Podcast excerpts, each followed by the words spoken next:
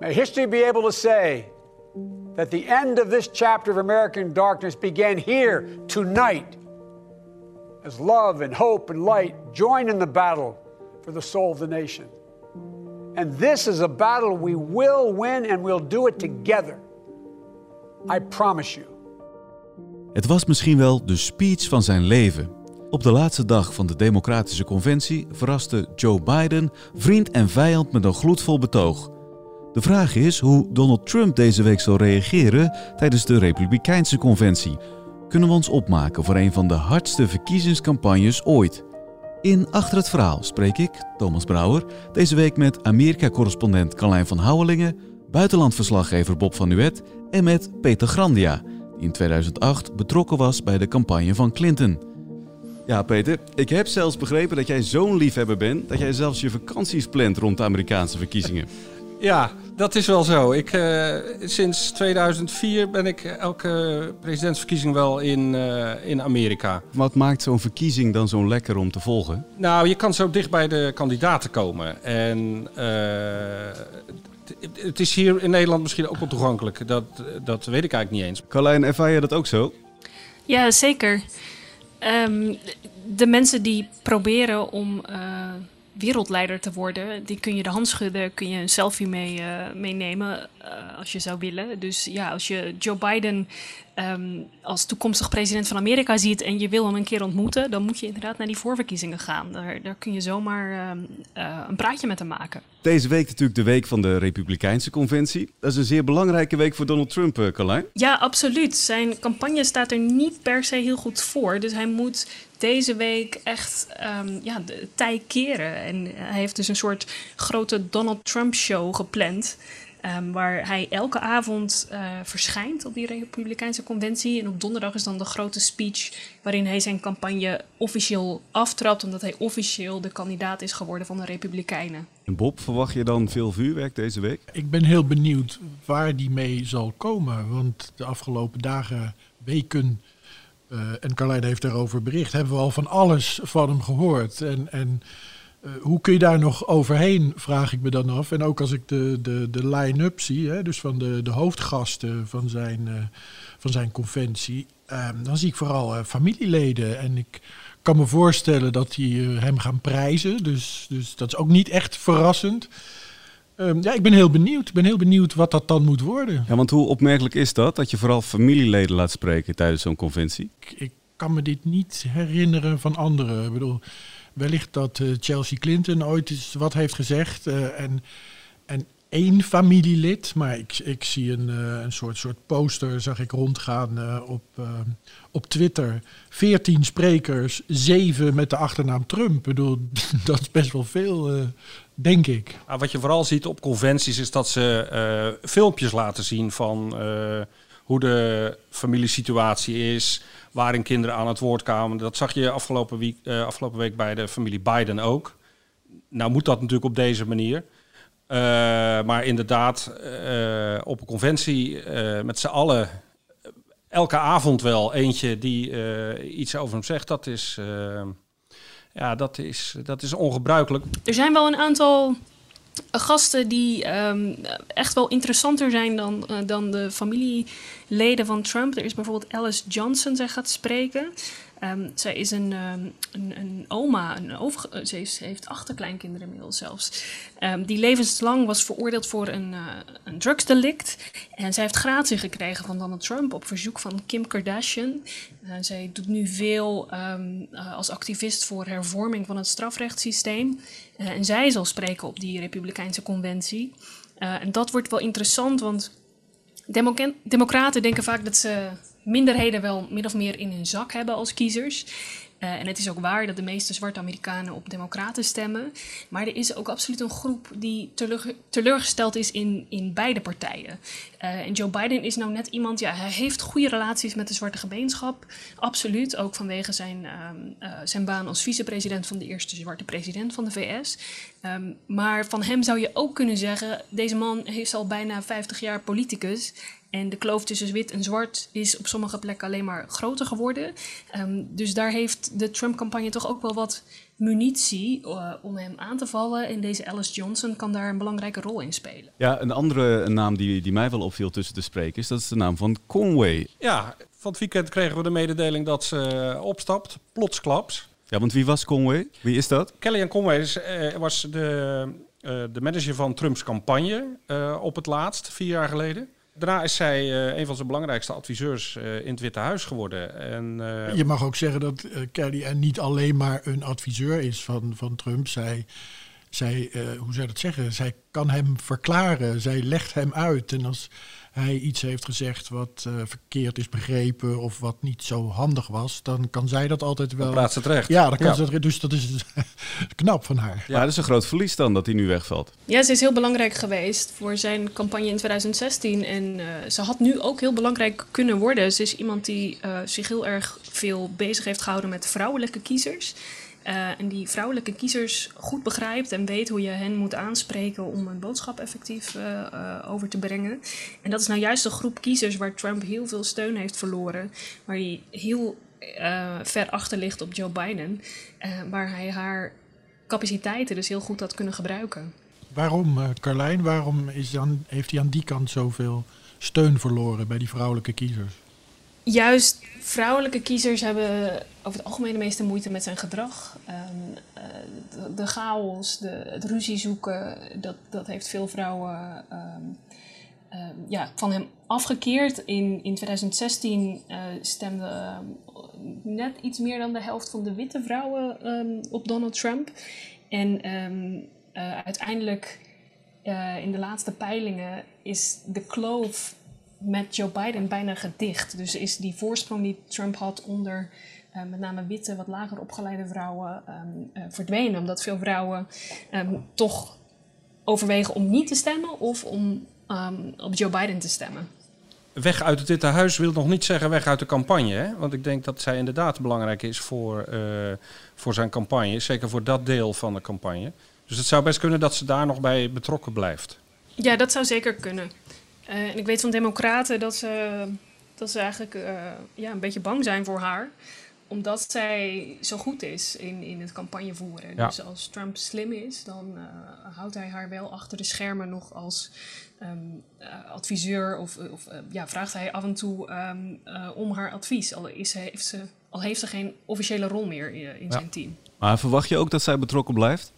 Op dit moment uh, zegt ze dat ze aan het einde van de maand uh, terugtreedt. Ze heeft mij niets gezegd over wat dan de volgende stap is. Dus ik durf het niet te zeggen, maar gezien het belang van haar uh, bijdrage in 2016 zou het me niet verbazen als ze toch nog achter de schermen mee blijft denken. Ja, deze week dus die Republikeinse conventie. Daarna gaat het natuurlijk nog verder, want we zijn nu echt in de laatste fase beland van de verkiezingscampagne. Ja, Carlijn, hoe zien die laatste weken voor zo'n verkiezingen er nu uit? Het is eigenlijk uh, een beetje moeilijk te zeggen op het moment. Want normaal gesproken zien we kandidaten die door het land reizen, uh, mensen ontmoeten, rallies houden, uh, evenementen houden, kiezers werven. En dat is op dit moment allemaal heel lastig en vrijwel niet mogelijk. Um, tot op heden is de campagne vrijwel geheel online.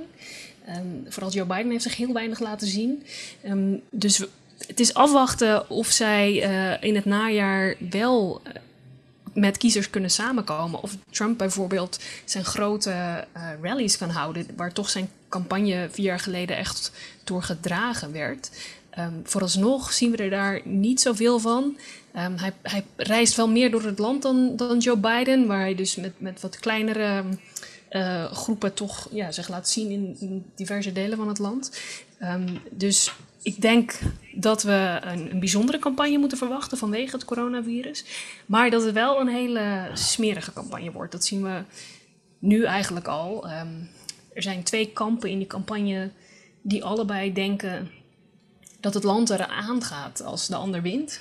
Um, dus ja, als, als er zoveel op het spel staat voor, voor beide partijen, dan uh, grijpen ze naar alle middelen. He spent the last half century in Washington selling out our country and ripping off our jobs and letting other countries steal our jobs. Mexico, China, all of them. Just stealing our jobs. He's been there for 47 years. And now he's going to come in and make a change. I don't think so. Ja, dat is wel opvallend. Allebei die kandidaten die voorspellen echt nachtmerriescenario's als de andere kandidaat wint. Ja, in- inderdaad, inderdaad. Als je hoort wat Trump allemaal heeft gezegd, eh, hoe eh, de Verenigde Staten eruit zullen gaan zien, mocht, mochten de kiezers zo stom zijn om Joe Biden eh, te kiezen. Eh, hij heeft on- onder andere gezegd dat het dan klaar is met religie, het is klaar met, eh, met wapens, het is klaar met de politie wordt op. Die heeft echt een, een, een beeld geschetst van dat kun je niet voorstellen. Nou, kan Trump dat ook heel goed. Dus ik ben, ik ben wel benieuwd hoe, wat voor beeld eh, ja, we nog meer gaan krijgen. Hè? Wat kun je hier nog overheen? Ik denk dat Biden vorige week eh, een, een klein beetje iets uit de handen bij de Republikeinen geslagen heeft. Ze willen hem graag neg- ne- wegzetten als eh, nou, bejaard en eh, goh, zit het bovenin allemaal nog wel goed. Nou, dat hebben we gezien vorige week. Dat was, eh, dat was het beste optreden dat hij ooit had. En dat is bij elke politicus die zijn eh, acceptatiespeech houdt. Dat is altijd je belangrijkste toespraak. Goed ingestudeerd, hè, Ja, ze. Maar precies. dat was wel... eh, Maar het moet dan ook wel goed zijn. En dat Ja. was ook goed. Ja. Dus daar, daar kunnen ze het nu niet op doen. Maar ja, ze zullen inderdaad met, eh, met allerlei eh, rechten die verdwijnen, daar zullen ze mee komen. Eh, wapenwet. Dat, eh, Joe Biden heeft als vicepresident getracht om eh, dat, dat is een beetje terug te dringen, dat wapenbezit. Vooral het excessieve wapenbezit. Dat is niet gelukt. Omdat daar geen meerderheid voor is. En nou, dat zullen ze hem nadragen. Ja, dat, is, dat, dat hoort het Trump-kamp graag natuurlijk. Dat, dat zijn dingen die, eh, die we zullen horen. Maar, dat- zoiets als de wapenwet, kijk, dat is nog iets inhoudelijks. Daar kun je voor of tegen zijn. Maar wat je ook vooral veel in die campagne ziet, is natuurlijk dat het heel erg om de persoon draait. En niet eens op de keuzes dan die iemand Ja. maakt. Ik denk dat dat lastig wordt met Joe Biden. Of in ieder geval lastiger dan met Hillary Clinton. Eh, Joe Biden loopt al zo lang mee en de meeste Amerikanen hebben toch een relatief sympathiek beeld van hem. Eh, ik hoor van kiezers ehm, die zeggen, nou ik ben het niet met hem eens, maar ik zou gerust een biertje met hem gaan drinken. Dus je kunt hem niet zo framen ehm, als het kwaad, zoals dat met Hillary Clinton ook wel gebeurde. Zij was altijd al een heel polariserend figuur als de eerste vrouw die echt de grenzen oprekte van wat vrouwen ehm, tot dat dan toe deden in de politiek. Eh, en Joe Biden is altijd een relatief geliefde man van het midden geweest.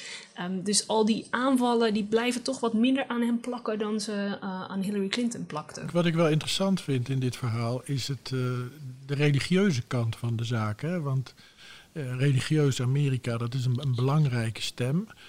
En dan verwijt Trump een, een, een kerkganger als Joe Biden. Dus dat hij de, de, het, religieuze Amerika naar de knoppen gaat helpen. Terwijl Trump zelf niet naar de kerk gaat, als ik me goed heb eh, ingelezen. Hoe, hoe zit dat?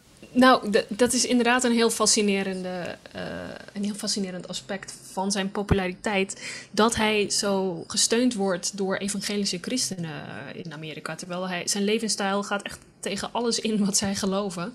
Eh, met, hij, hij is rijk geworden door casino's. Hij, is getrouwd met zijn, derde, met zijn derde vrouw. Had een affaire met een prostituee. Het is absoluut compleet het tegenovergestelde eh, van, van die eh, ehm, streng christelijke gemeenschappen. Ehm, maar wat hij wel doet, is ehm, hen beloven dat hij voor hun opkomt en maakt dingen makkelijker voor hen. Zij, zij verliezen langzaam maar zeker macht in de Amerikaanse samenleving, omdat er gewoon minder blanke christenen zijn in, eh, in het Amerika van vandaag. Eh, er zijn meer mensen van kleur en er zijn meer mensen die eh, niet geloven. En langzaam maar zeker is dat percentage steeds kleiner van, van die witte christelijke gemeenschappen. Ehm, en Trump heeft letterlijk gezegd: als ik president word, ehm, dan krijgen jullie je macht terug.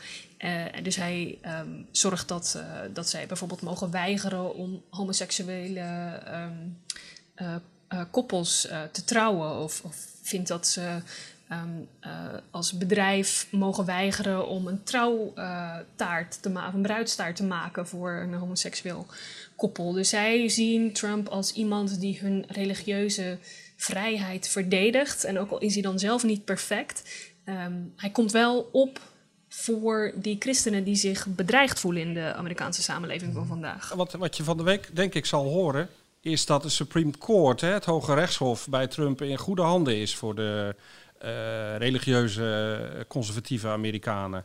Hij zal conservatieve rechters benoemen. Daar heeft hij al twee van benoemd. Vier jaar geleden was dat een heel groot campagnethema, vooral bij de Democraten. Kijk uit, want Trump, Trump gaat, gaat dat doen. Nou, dat heeft hij dus inderdaad gedaan. Democraten hebben daar niet over gehoord vorige week. En ik denk dat je deze week uh, in het rijtje wat, wat, wat Amerika allemaal zal overspoelen als Biden aan de macht komt, zou je dit erbij horen, denk ik. Ja, daar valt dus nog wel wat te winnen voor Trump. Hij zal het ook wel nodig hebben. Want op basis van de huidige peilingen, het is nog even de vraag in hoeverre we die moeten vertrouwen natuurlijk, dan gaat het niet zo lekker met Trump. Hij staat achter op Biden. Ja, ik denk waar we het nog niet over gehad hebben, maar wat ook nog. Uh, dingetje is, is het hele corona-verhaal natuurlijk. En dat, uh, als ik de cijfers zie en de laatste voorspellingen. Uh, een tijd geleden was er, was er ontzetting toen het ging over 200.000 Amerikanen die daaraan zouden overlijden. Nou, we zijn inmiddels ver over de 170 en de laatste voorspellingen gaan richting 300.000 begin volgend jaar. Nou, dan denk ik dat tegen de tijd dat er verkiezingen zijn, dat we weer een magische grens gaan, uh, gaan overschrijden. Zo 250.000 misschien wel. Ja, en dan heeft hij echt een probleem, denk ik. Een heel groot probleem. Ja, dus los van wapens, abortus, uh, religie... gaat het vooral ook over corona, deze verkiezingen. Ja, ja, corona en, en de gevolgen voor de Amerikaanse economie. Ik denk zonder dat zou ik op Trump hebben gewet dat, hij, het, dat hij het eh, makkelijk zou winnen, denk ik. Ja, daar heeft hij het echt laten zitten hoor. Daar heeft hij het echt uh, uh, verspeeld denk ik. Ehm, want de economie bloeide. Uh, nou, dat hangt er een beetje af van hoe je daar naar kijkt. Of, het ook, ehm, of al die winst ook terecht kwam bij de mensen die het het hardst nodig hadden. Uh, maar de cijfers waren goed. En dat was de hele pijler onder zijn herverkiezingscampagne. en die coronacrisis, nou ja, die heeft hij natuurlijk niet zelf veroorzaakt. Maar veel mensen nemen hem absoluut kwalijk dat hij uh, lang deed alsof er niks aan de hand was. Dat hij de verantwoordelijkheid afschuift. Dat hij andere mensen de schuld blijft geven. Uh, van dat enorme aantal uh, doden dat inderdaad besmet was met het coronavirus. En ik denk dat dat iets is wat um, hoog op het lijstje van, van, van verkiezingsthema's staat van kiezers. Heel veel mensen hebben daar gewoon in hun dagelijks leven heel veel last van. en kijken toch naar Trump. Hij is de president op het moment. Maar wat, wat denk je, Carlijn, wat hij daarover kan zeggen deze week? Ik bedoel, hij kan een vaccin misschien beloven of... Of hij kan ja, waarschijnlijk dingen gaan zeggen waarvan veel mensen zich zullen afvragen: ja, maar jij was degene die zei: uh, het, is allemaal niet zo, uh, het zal niet zo groot worden en dat soort dingen. Wat kan hij zeggen?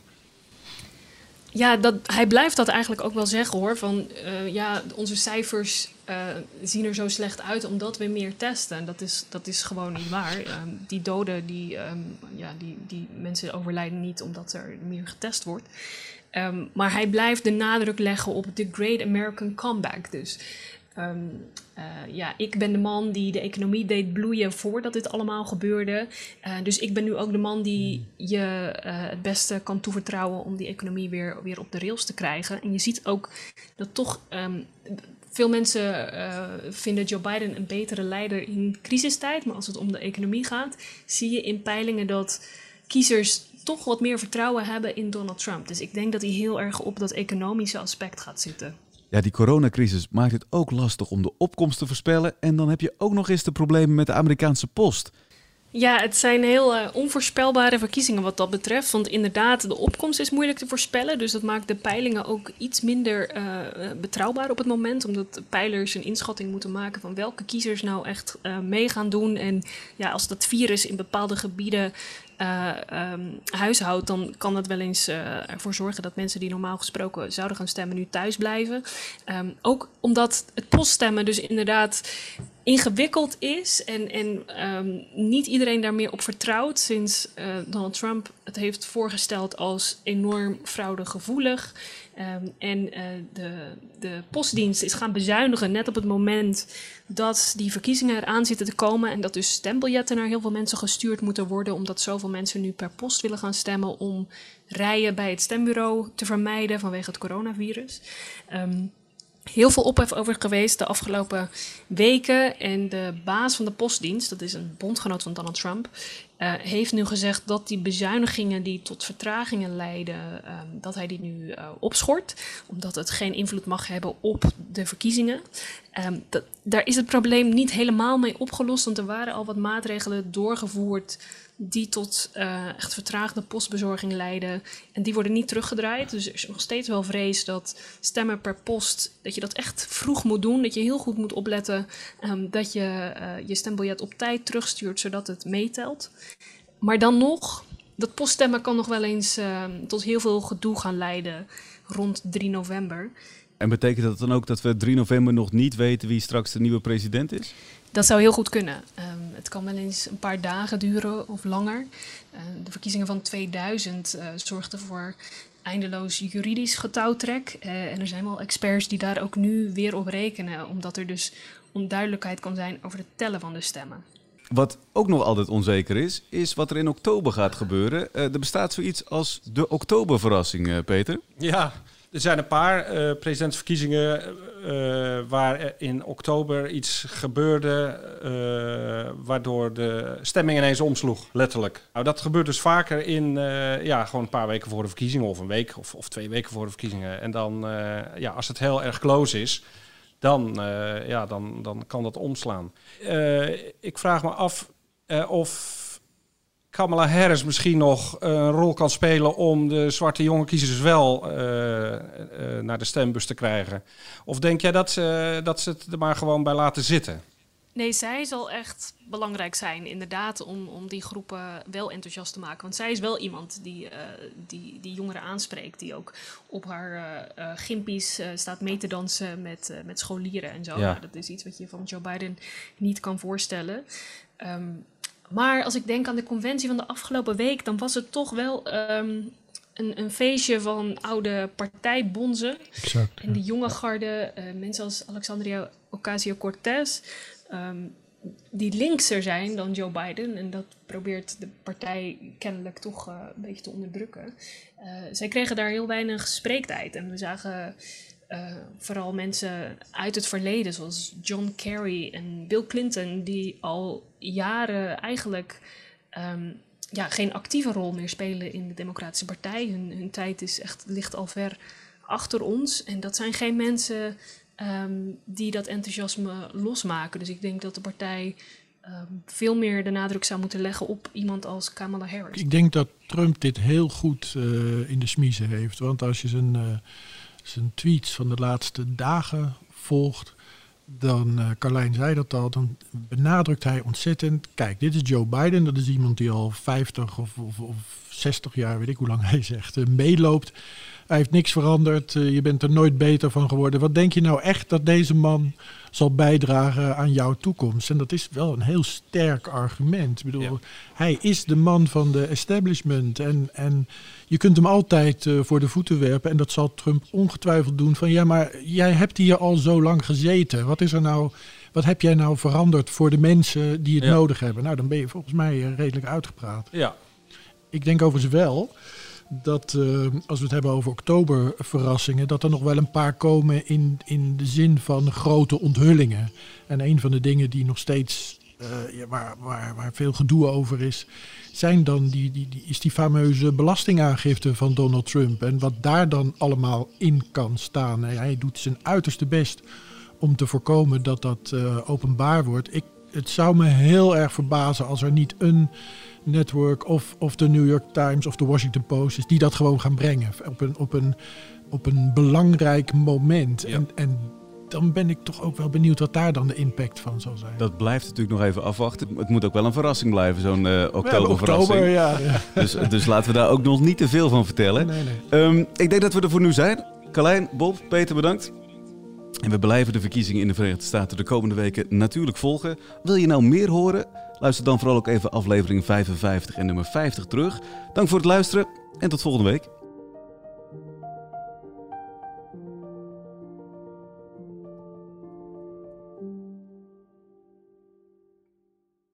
Heb je genoten van deze podcast?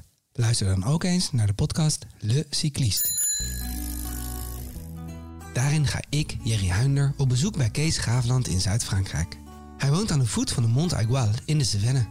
Je weet wel, die berg waar Tim Krabbe zo lyrisch over was in zijn bekroonde boek De Renner. En waar de zesde etappe van de Tour de France dit jaar eindigt. Samen met Kees ga ik op zoek naar de verhalen achter de Montaguale. Een podcast over extreem weer, vuur, eten, oorlog en een moord. Nu te vinden op ad.nl, Spotify en iTunes.